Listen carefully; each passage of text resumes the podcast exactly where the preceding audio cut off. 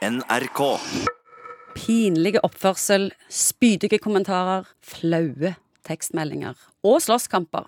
Oppførsel som ofte henger sammen med alkohol. Og svært mange av oss har den venninna eller kompisen som alltid drikker litt mye.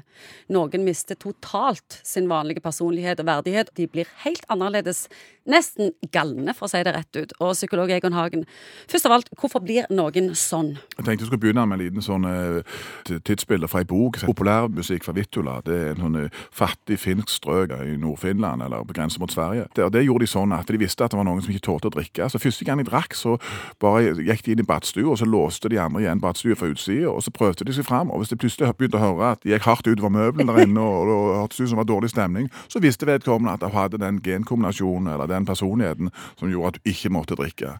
Men det er noen som ikke tåler å drikke. Ja, og hvis du har en sånn kompis eller venninne, og det er et problem ja, Hvis folk har en patologisk eller en veldig annerledes reaksjon på rus enn de fleste andre har Nå skal jeg prøve å si litt hva det kommer av. Disse galne impulsene som kommer nedenfra, som er ganske primitive ting, de er avhengig av at det er noe som kalles prefrontale områder i hjernen, som modulerer og demper dette, og som gjør at dette får et uttrykk som er til leve med. Men så er det noen som har en, en sånn dysfunksjon i denne reguleringsmuligheten. Så spesielt hvis de drikker sprit.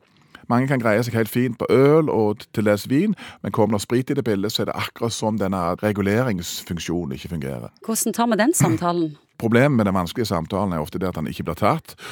Du kan på en måte invitere folk inn med å si hva du faktisk har sett, og så er det en invitasjon til vedkommende som sier ønsker jeg å gjøre noe med dette eller ei. Og så må de som drikker for mye sånn eh, generelt det finnes ca. 100 000 av de. Ja, og, med, og mange kvinner. Ja, ja, mange kvinner. Og klart at jeg tror skammen til et forhøyet alkoholforbruk er kanskje enda større hos kvinner enn det er hos menn. Vi har noen forskningsprosjekter der som jeg jobber på sykehuset, som er knytta til å komme inn overfor personer som drikker for mye, men som ikke er den typiske rusgruppa. Og veldig mange drikker for mye, til, til, tross for at de ikke er avhengige.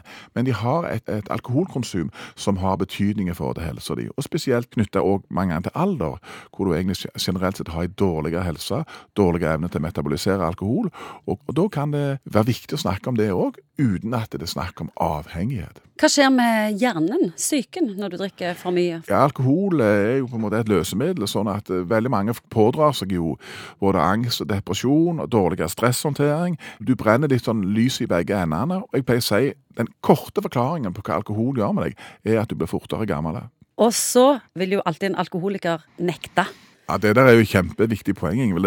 Og Vi har jo mange som snakket om det, at for å forstå og hjelpe folk ikke som, Vi kan ikke bruke ordet alkoholiker, for da føler mange at det ikke gjelder de, men som drikker for mye. Så klart at det å tenke litt i forhold til nettverk, sosiale settinger, familie, det er utrolig forstandig. Og vi har tenkt altfor mye sånn akuttmedisinsk at her kommer du til meg, og så skal vi fikse deg, og så sender vi deg tilbake igjen til samme, samme konteksten, uten at vi har kikket på den konteksten i det hele tatt. Dette sosiale bakteppet er jo helt vanvittig viktig mulighet for å forstå hva som gjør at du kommer ut i dette. Hvordan er den beste måten å tilnærme seg noen Hvis du har en venn eller en mor eller en bror, hvordan snakker vi om dette? Av en eller annen grunn så viser det seg at det er vanskelig for oss å snakke om dette med alkohol. Leger syns det er vanskelig å snakke med pasientene sine om det, selv om du skulle tenke at de egentlig hadde alle fullmakter til å gjøre nettopp det. Så viser det seg at det er et tema som sitter ganske langt inne. Fordi at det, det berører ikke bare pasienten, men det òg berører vårt eget forhold til alkohol. Sant? Og nå er det sånn at 90 eh, av oss holder på å putle med denne vinen. Så vi, vi, føler kanskje at vi sitter litt i glasshus, og hvem er jeg, og skal, hver vi sitt, og sånn. Så vi er litt sånn forsiktige, tror jeg, eller litt sjenerte for å ta opp et tema, i og med at vi står med begge bein oppi det sjøl. Når en normal samtale vi må våge. Ja, ja, det vi må våge, og så ta oss ubehaget og si går det an å justere litt på kløtsjen? Kanskje hvis vedkommende reagerer sterkt på sprit, har du tenkt å ikke drikke sprit, f.eks.? Og mange kan da oppleve at de greier å holde personligheten sin intakt gjennom en hel kveld hvis de bare ditcher spriten.